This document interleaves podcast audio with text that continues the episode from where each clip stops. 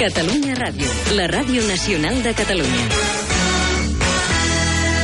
Pablo Machín vol que el seu equip mantingui l'identitat però que rebi menys gols. De cara al partit de Lliga que té el Girona diumenge a les 8 del vespre al camp del Mallorca, l'entrenador de l'equip gironí Pablo Machín ha explicat que l'entrenament de demà al matí estarà pendent de la possibilitat de recuperar el davanter Frank Sandaza absent a l'entrenament d'avui per una lesió. I a més de ponderar les qualitats de, del rival, Machín també s'ha referit especialment al fet que després de quatre jornades de Lliga el seu equip sigui el més efectiu amb 10 gols i el més golejat amb 9. Es preocupante que nos hagan muchos goles, no es habitual que, que te hagan más de dos goles por partido, pues vamos a intentar, como lo seguimos haciendo desde que empezamos, que esta sangría pues no sea cada vez mayor o que no continúe siendo así, pero también es cierto de que tenemos por otra parte mucho mérito al haber hecho 10 goles.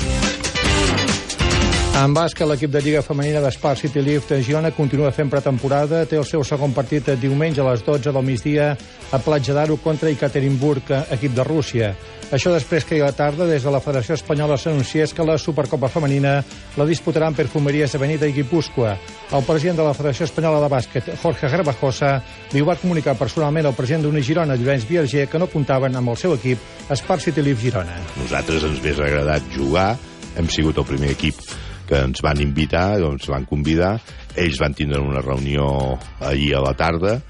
i em va trucar el president de la Federació Espanyola dient-me que,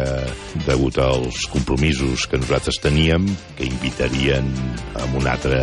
club, que seria el Guipúscoa, i nosaltres vam dir, pues, estupendo, no hi ha cap mena de problema de que si el Guipúscoa pot jugar, que jugui la Supercopa o el Guipúscoa.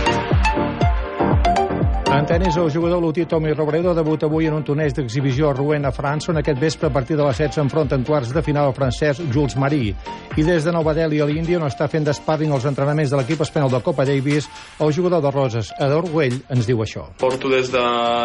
diumenge aquí a l'Índia amb el Rafa, el David, el Feli i el Marc, que hem entrenat bastant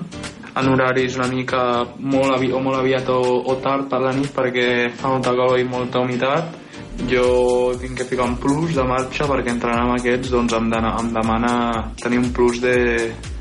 d'activació sobretot i concentració en els entrenos l'altre em estic passant molt bé hi ha molt bon feeling amb tots els jugadors i amb tot l'equip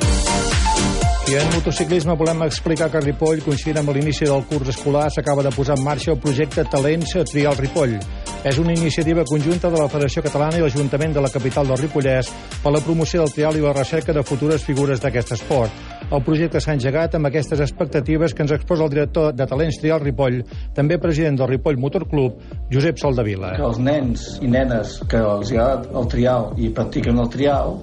no deixin d'estudiar i que puguin eh, practicar el seu esport preferit.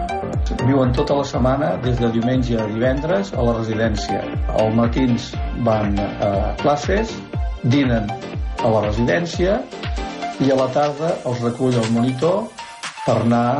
a fer l'entrenament a les zones de trial, tant indoor com outdoor. Aquest diumenge, a dos quarts de cinc de la tarda, es fa un acte oficial d'inauguració de la remodelació i ampliació de l'anomenada àrea de trial, que fan servir els participants en aquesta cita i també els esportistes que hi té concentrades la Federació Catalana de Ciclisme.